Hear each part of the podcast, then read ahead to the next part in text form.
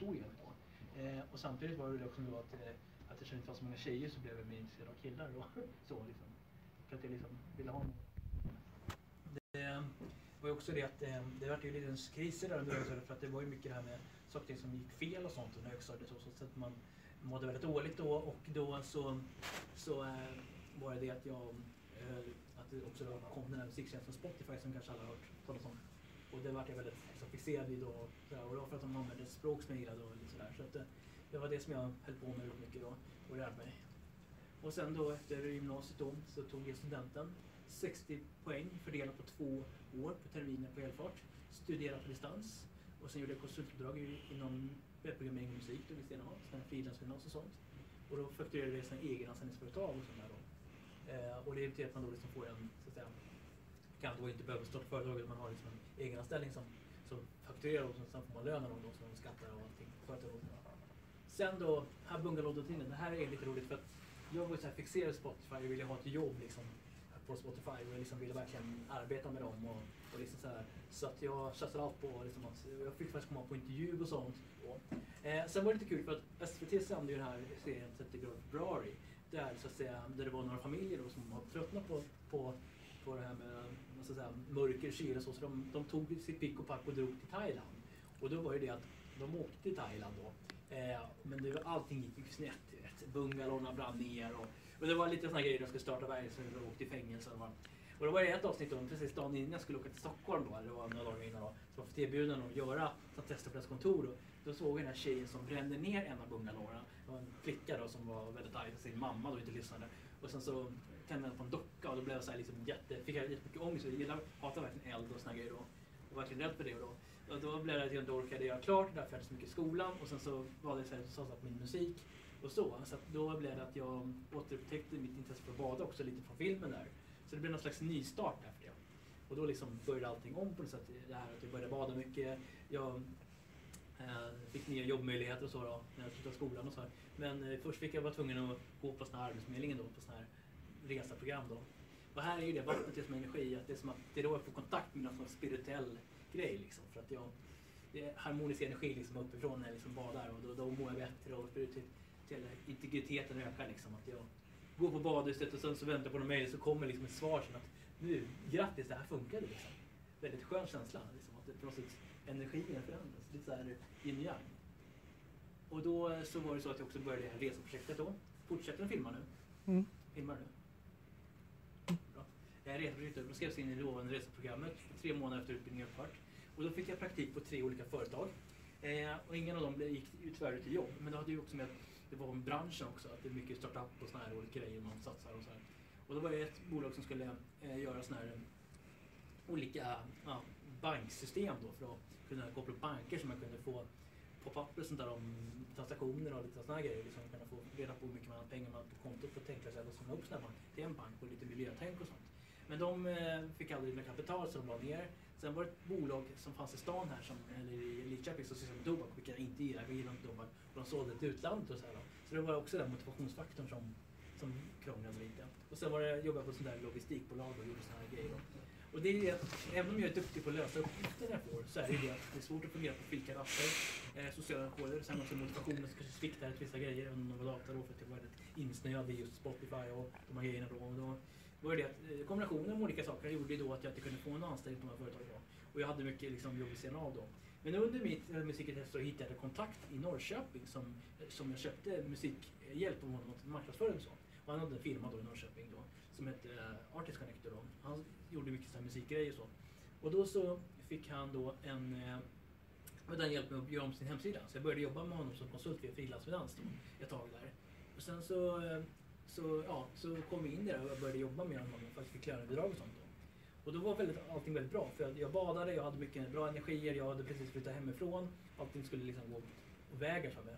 Och då kan vi se problembilden här då. Men vi ska ta bara eh, lite nya grejer här. För att, eh, det är ju det att med energier, att jag måste vara fokuserad med det jag gör för att jag ska känna liksom att det funkar. Annars så blir det att energin går liksom till olika ställen. Det är som en kontaktledning på tåg. Att om man, att liksom, att om man, det här är liksom yin och yang du måste hela tiden liksom ha den kontakten på rätt ställe så att det inte liksom blir att liksom strömmen hamnar på annat ställe. Va? För att liksom blir det fel liksom spänning så blir det som att det blir som ungefär som en ljusbåge med tåg. Liksom. För att det är så stark spänning som man har. Man måste liksom få allting på sitt sätt för att det inte ska bli de här liksom, ljusbågarna. Eh, och då är det det att... Oj, eh, eh, jag ska ta, jag får hoppa lite här. Eh, eh, och då är det det att jag... Jo, då började jag jobba på det här företaget och då så var det som så sen att jag taget inte fick de uppdrag som jag hade hoppats på.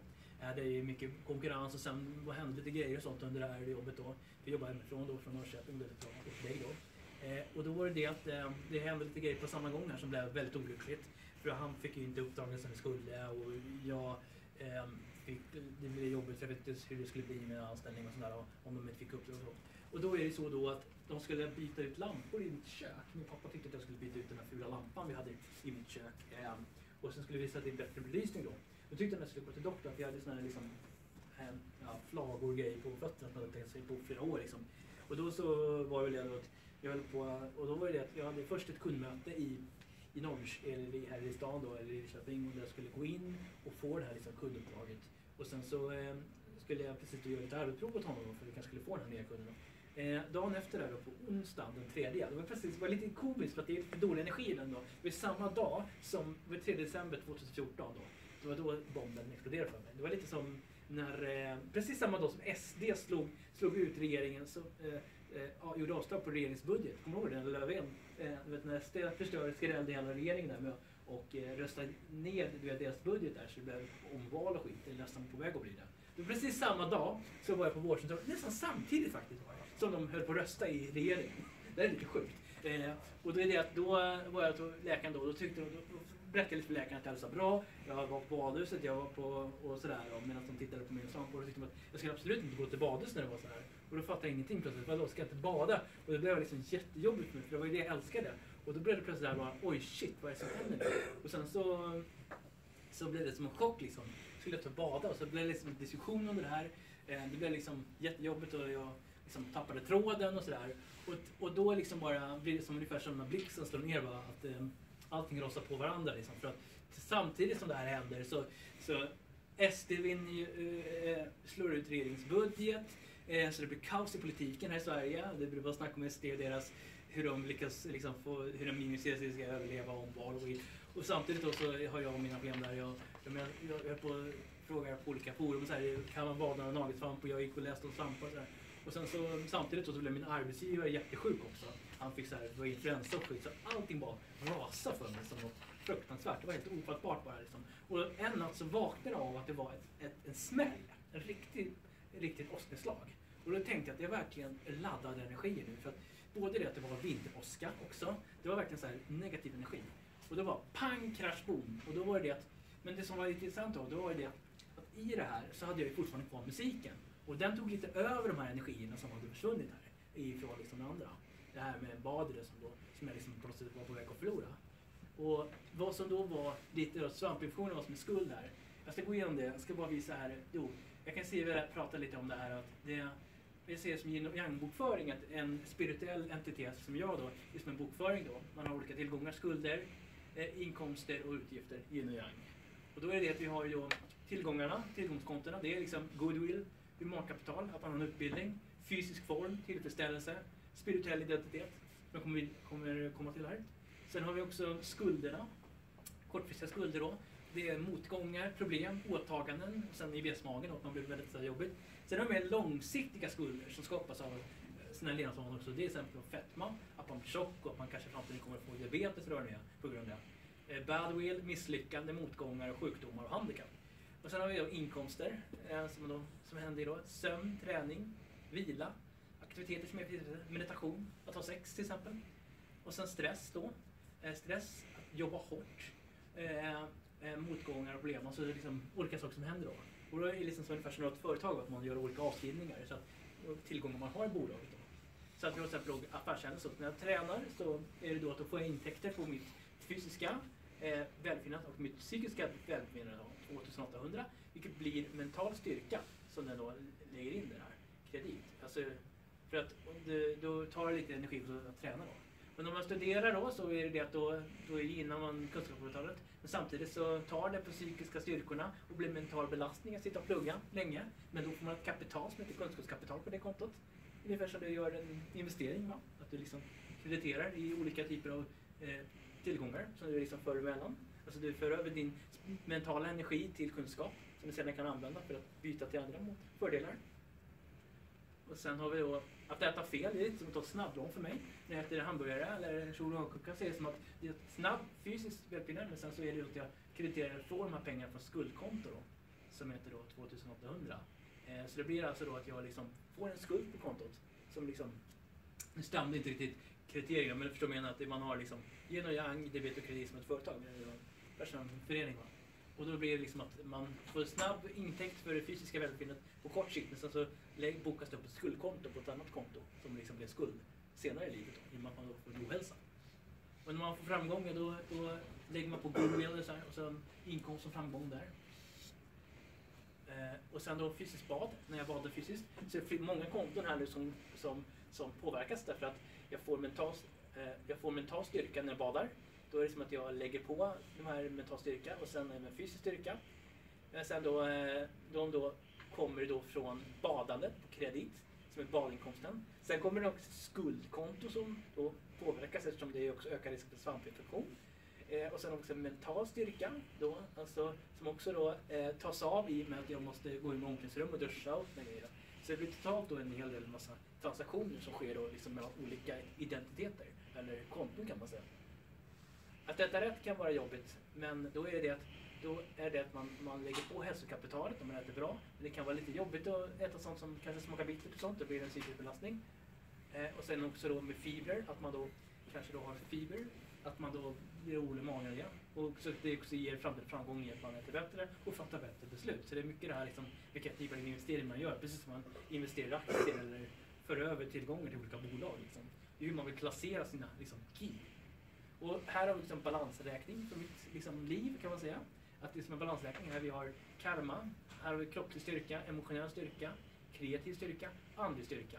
Långsiktig karma, det är sånt som kanske inte kan bytas direkt kan man säga mellan de olika energierna så att man på något sätt kan ändå acceptera situationen där. Och det var det jag gjorde liksom.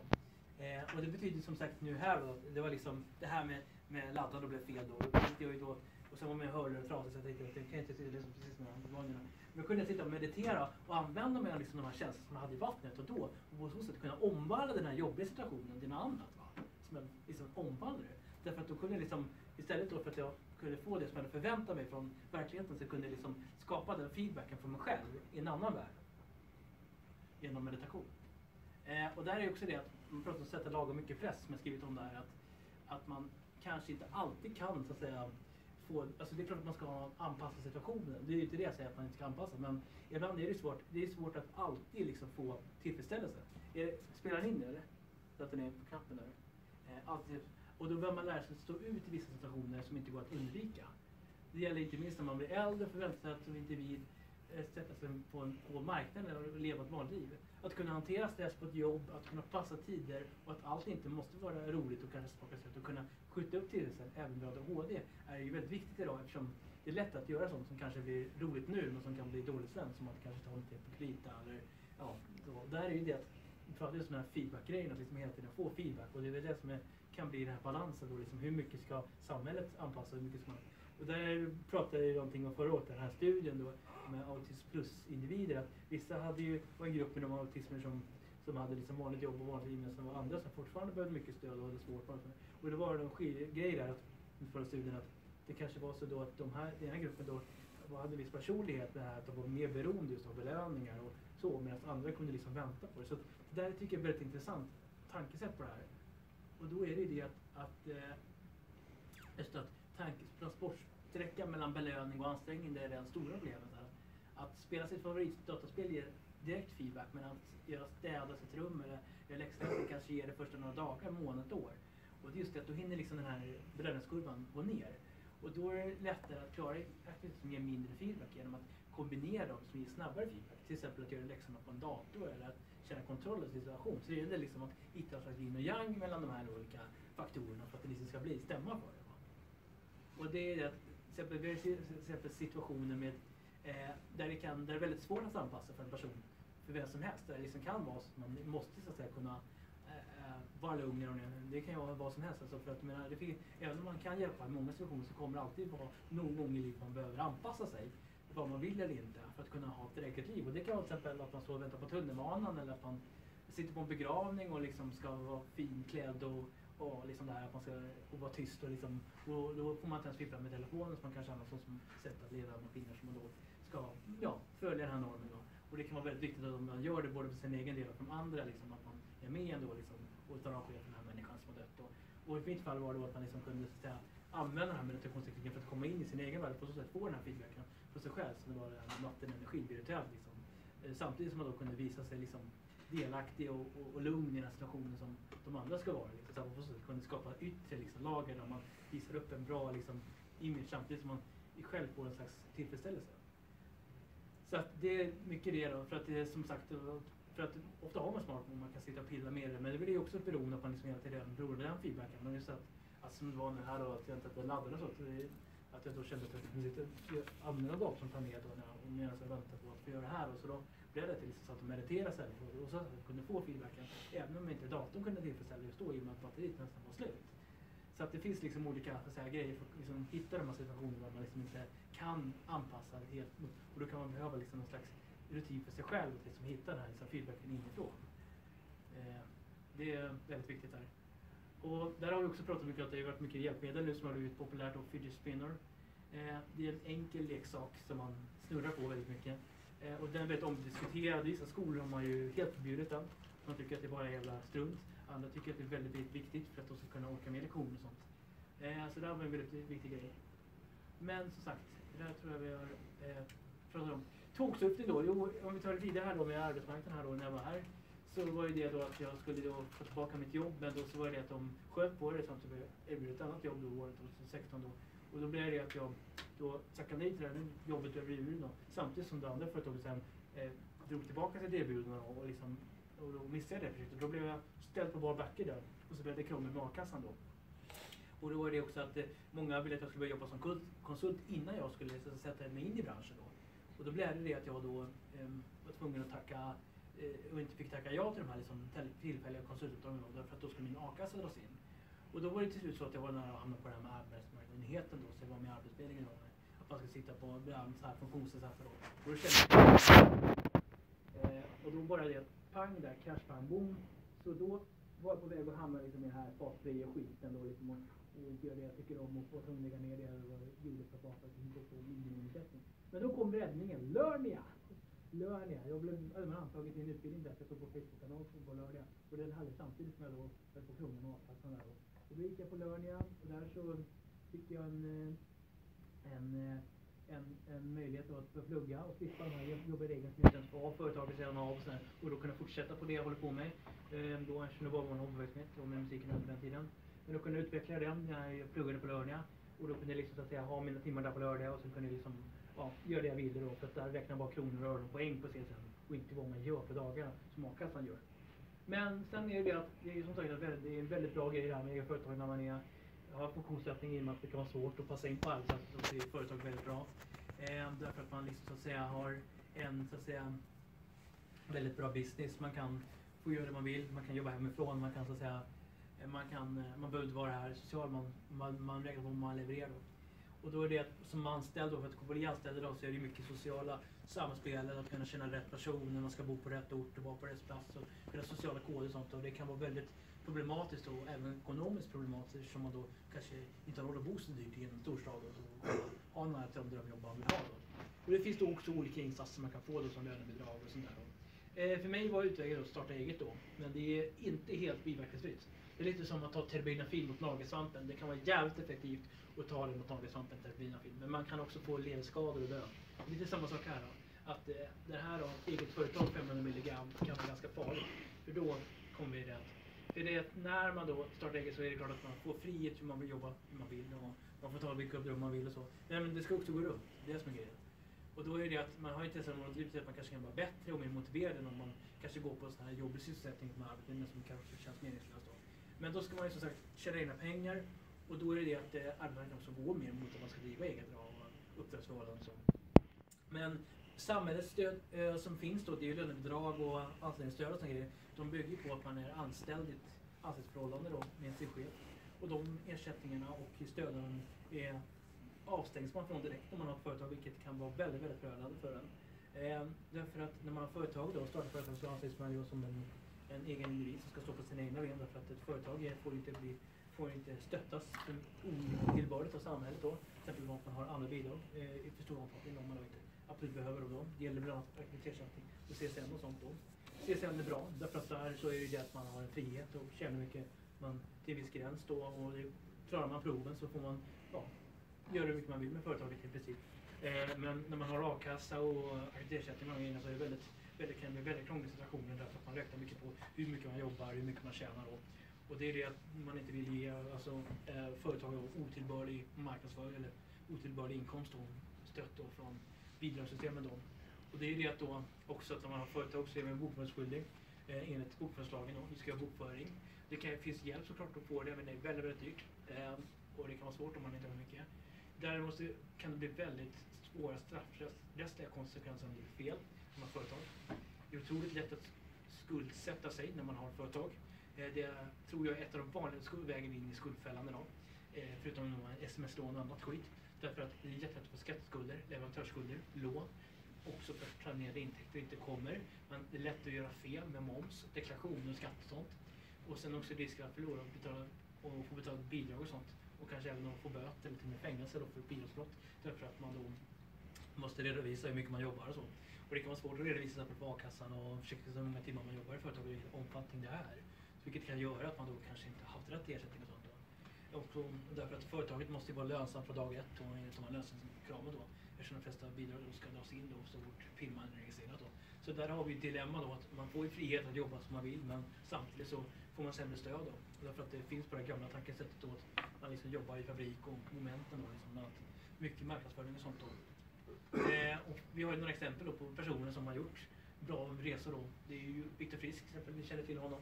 Han, han, han var ju med, med, med i finalen ihop med Melodifestivalen då. Johanna Halvarsson är en väldigt bra bloggare. Hon jobbar ju mycket med, hon föreläser ju regelbundet. Ludvig Stregus, han hade just inte autism det, men han hade en stammuskelsjukdom. Han skrev ju Sportverkligheten från grunden, vilket var mitt stora intresse. Isabelle Löfgrip också, om man pratar om mycket att hon hade ADHD och så. Hon hade sin blogg där som var ju som verkliga miljarder då. Eller miljoner år nu. Så att vi har väldigt många här. Så specialintressen kan ofta vara lösningen på att hitta sysselsättning och sånt. Men eh, det är ju alltid så att eh, man kan vara inte maskin och sånt och det kan vara ett sätt att hitta försörjning. Och hur det går beror ju mycket på uppväxten, att man får hjälp att utveckla sina intressen. Och man får gå i skolan och man får liksom rätt stöd så att man klarar sina tentor och på så sätt får möjlighet att läsa. För det är så synd idag att om man får IG i gymnastik att man, det gör att man inte får läsa sin datautbildning. Fast, fast gymnastik inte har ett dugg med att göra med data. Eh, fast bara för att man då inte klarar av i omklädningsrummet och inte kan ja, prestera bra på fotbollsturneringen och fungera ihop med laget där så ska man inte få plugga data när man, har intresse när man blir äldre. Och det tycker jag är helt vansinnigt med idrotten. Det är klart att ungdomar ska lära sig hälsa, det är inte det jag säger. Utan det är, men det är en annan sak. Det tycker jag mer föräldrar, fri, friskvård och sånt ska ha. Och fritids och sånt. Men jag tycker i skolan ska bara just de här viktiga kunskaperna som lä läsa, räkna, skriva som verkligen är meningsfulla för den utbildning man ska ha för att kunna komma in på. Man ska inte bli utslagen för att man inte klarar av att fungera i ett omklädningsrum eller ett gympan i skolan bör anpassas så att man då kanske får göra idrott i sin egen takt som att simma eller aquajogging eller sådana grejer då, istället för att då, så att tvingas vara i grupp då. Och som sagt, många, många framgångsrika företag börjar ju som hobbyverksamheter och utvecklas allt eftersom. Man kanske bloggar, skapar musik, programmerar egna spel idag. Och det är väldigt lätt idag att få egna pengar. Man kan lägga upp den och så fort man är någon som är intresserad av den och hittar man tillräckligt många som vill läsa ens bloggar och lyssna på ens musik och så, så är det lätt att få pengar. Alltså. Det är ju det. Men då är man ju ute på det här livsfarliga vattnet och så fort pengar inblandade ska ju dessa deklareras, beskattas. De ska omedelbart meddelas också för Försäkringskassan så man då kan förlora rätten till andra stöd. Och sen ska man också då kanske då starta firma om det blir större brott. Och så det är väldigt snårigt det här med inkräkter och sånt när man har intressen och sånt. Och det är det som är så synd att det, det kan bli väldigt mycket strul. Och varför är man då så kreativ då? Jo, man vill avtrycka och påverka. Man är inte nöjd med samhället man vill ha utan vill gestalta sin inre värld. Man vill kanske då visa liksom värld, man vill visa att det här är mitt värld och jag vill liksom bringa min historia och så. Man vill ha makt och bestämma själv vad man vill göra, känna att man äger sitt arbete. Inte sitta på en meningslös fabrik eller kommun och sortera pärmar eller vad det nu kan vara. Så, för så fort någon annan bestämmer med vad man ska göra så är det inte lika roligt längre. Inte ens sitt specialintresse och det här är problemet liksom något om jag sitter och programmerar eftersom jag själv vill göra då kan jag jobba mycket som helst men jag liksom sitter med någon slags någon som annan bestämt det här ska göras så jättetråkigt system kanske för metallindustrin. Då känns det inte alls lika roligt. Och då blir det liksom som att det gör att det blir tyngre. Och eh, vi har ju då ett samhälle som har blivit mycket tuffare också. Eh, öppnare, eh, trots att samhället blir öppnare och mer prata om funktionsnedsättning så också trygghetssystemet försämras. Mycket hårda bedömningar då från Försäkringskassan, återkrav, det blir fler. Eller framförallt sjukersättning och aktiversättning och handikappbidrag och sånt. Hårdare straff också för att bli misstag och gjorde fel i de. Att man då kanske då glömt om meddela sänkt bostadsbidrag och sånt. Och det kan ju till och med leda till straff och fängelse och sådana grejer, vilket gör mig väldigt orolig. Som jag nu då med man ska liksom deklarera här och ska nu få ny ersättning. Tuffare är det för a-kassan, man får inte ha någon form av studie eller annat vid sidan av då, om det inte har varit minst 12 månader innan